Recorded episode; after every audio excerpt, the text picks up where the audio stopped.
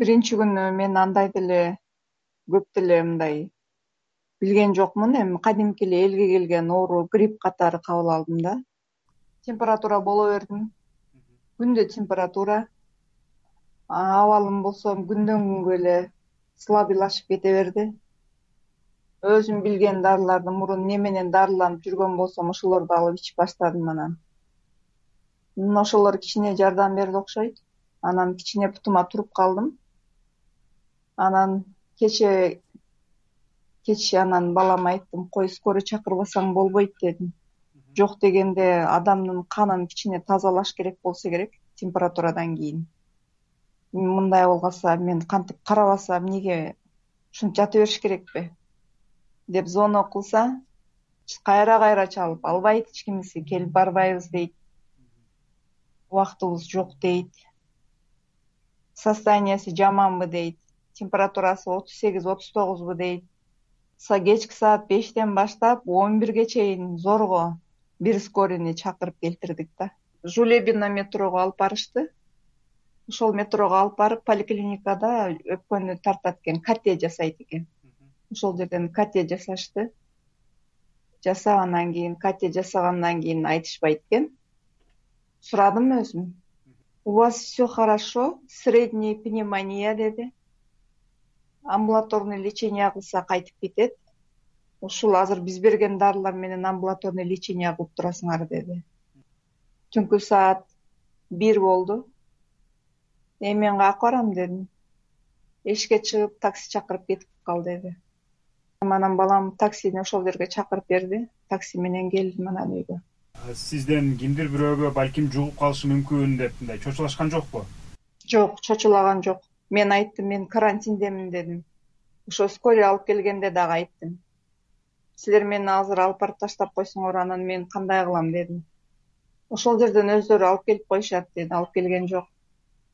Врачтар келип көрүп турат деген мен жетинчи майда барып катталганмын.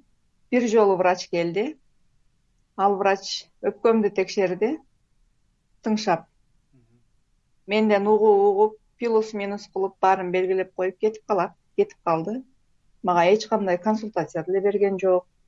Мынаны ичесиң анан антесиң деле деген жок. А мына кечээ берген дарыларын мен ичип атам. Бир дарысы азитромицин деген дарысы антибиотик. Ичсем эле ичимди алып кетип атат шырылдаткан боюнча. Эч кимден консультация сурашты билбейсиң. Эч ким эч кандай консультация айтпайт. Сиз барган учурда ошол клиникада адамдар көп бекен алардын колу жетпей атыптырбы үлгүрбөй атышыптырбы андай деле адам көп эмес. Андай деле очередь жок. Мен барганда эки адам отуруптур. Мен баргандан кийин эки адам келди. Ошондо общий төрт адам болуп отурдук. Кыргыздарды көргөн жокмун бүт эле орустар. Мен гражданством бар үчүн орустар менен кошо текшерилдим да мисалы үй бүлөңүздө башка бала чакаңыз э, кыргызстандын жарандары да аларды карап атышабы? Көңүл бөлүп атышабы аларга? Жок сурап да койгон жок. Даже келет сен ким менен жашап атасың бул жерде? Жугуп калган жокпу балдарың барбы деп сурап да коюшкан жок эч кимиси менин ден соолугума көңүл бөлбөгөндөн кийин булар башка граждандарга көңүл бөлбөсө керек деп эле ойлоп атам мен. Азыр э, балдарыңыздын жолдошуңуздун кол коңшулардын абалы кандай жакшы эле жолдошум жакшы ишке барып келип атат. Бул жанымдагы балам ушул мени карап атат. Ошого эле ишенип турам азыр. Үйдө бир кыз бар болчу айылдаш. Ал кыз аябай катуу ооруп атат. Бирок ал кыргыздардын клиникасына барып ошол жерден лечение алып атат.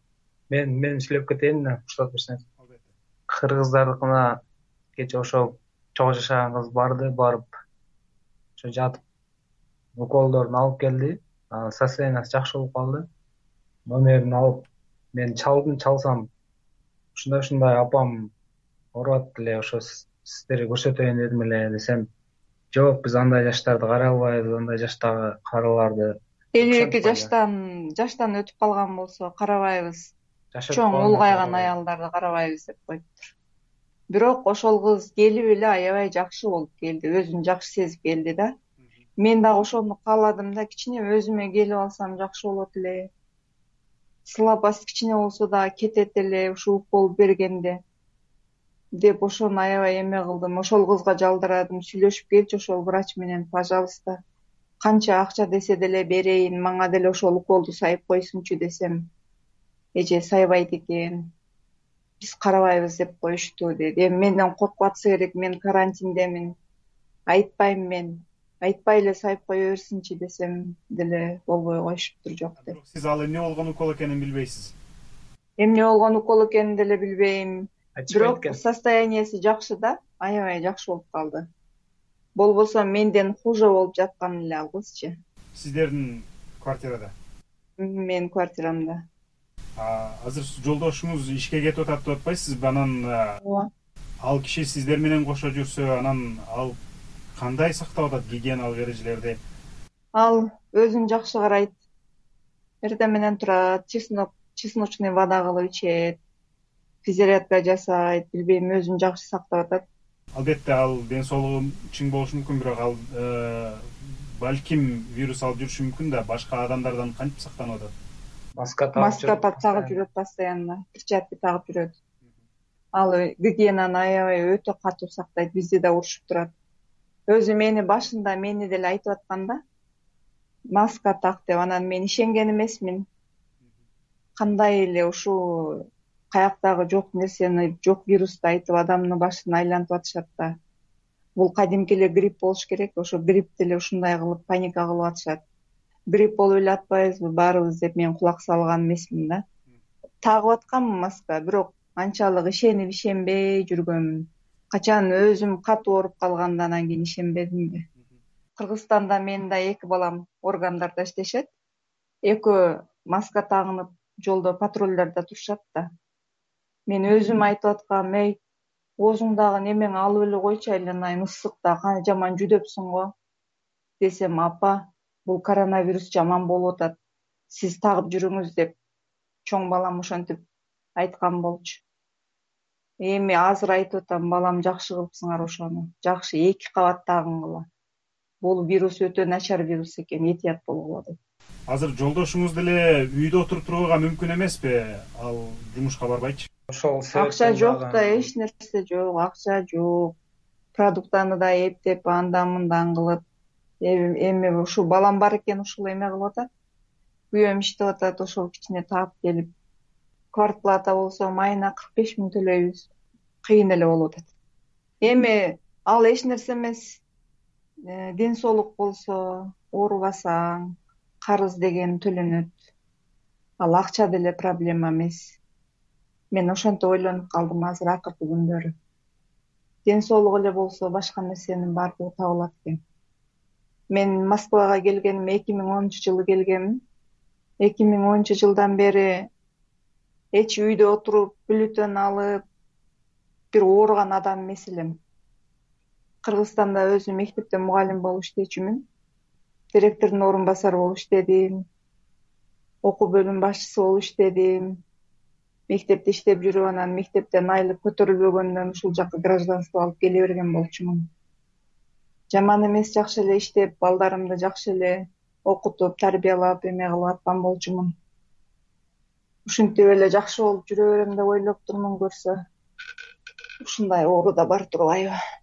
Сиздер паспортуңуз орусияныкы болгону менен өзүңүз мындай кыргызсыз түпкүлүгү ооба. Кыргызстанга кайтып келе берсиз буюрса мына сиздерге мигранттарга кандай жардам керек? Э, ушул башыңызга ушул күн түшкөндө эмне жардам керек экенин туюп атасыз мен азыр ушул ушундай мезгилде бизге аябай колдоо керек экенин түшүндүм. Буга чейин колдоо сураган эмесмин эч кимден күткөн да эмесмин.